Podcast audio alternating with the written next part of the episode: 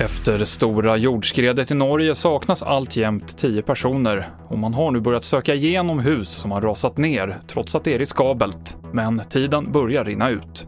De tar ju stora risker för hela det här området är ju oerhört instabilt fortfarande. Det är risk för nya ras, det kan röra på sig när som helst så att det här är en riskfylld operation men man måste ju nu agera snabbt för att klockan tickar och det är ett kallt här i Norge. Det är runt nollstrecket och eh, ligger man i den här leran så, så klarar man sig inte hur länge som helst. Så att nu måste man agera så gott man kan här och passa på medan det är ljust. Det sa Elisabeth Frerot, vår reporter på plats. Mer om skredet i Norge på tv4.se.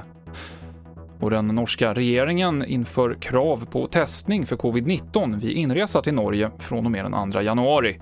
Testet ska göras så snart som möjligt, antingen vid själva gränspassagen eller senast ett dygn efter ankomst. Och i Sverige stänger i natt ännu en reaktor på Ringhals för gott. Senast en minut före midnatt så skickar Ringhals 1 ut el för sista gången.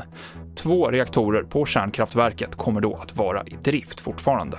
TV4-nyheterna med Mikael Klintevall.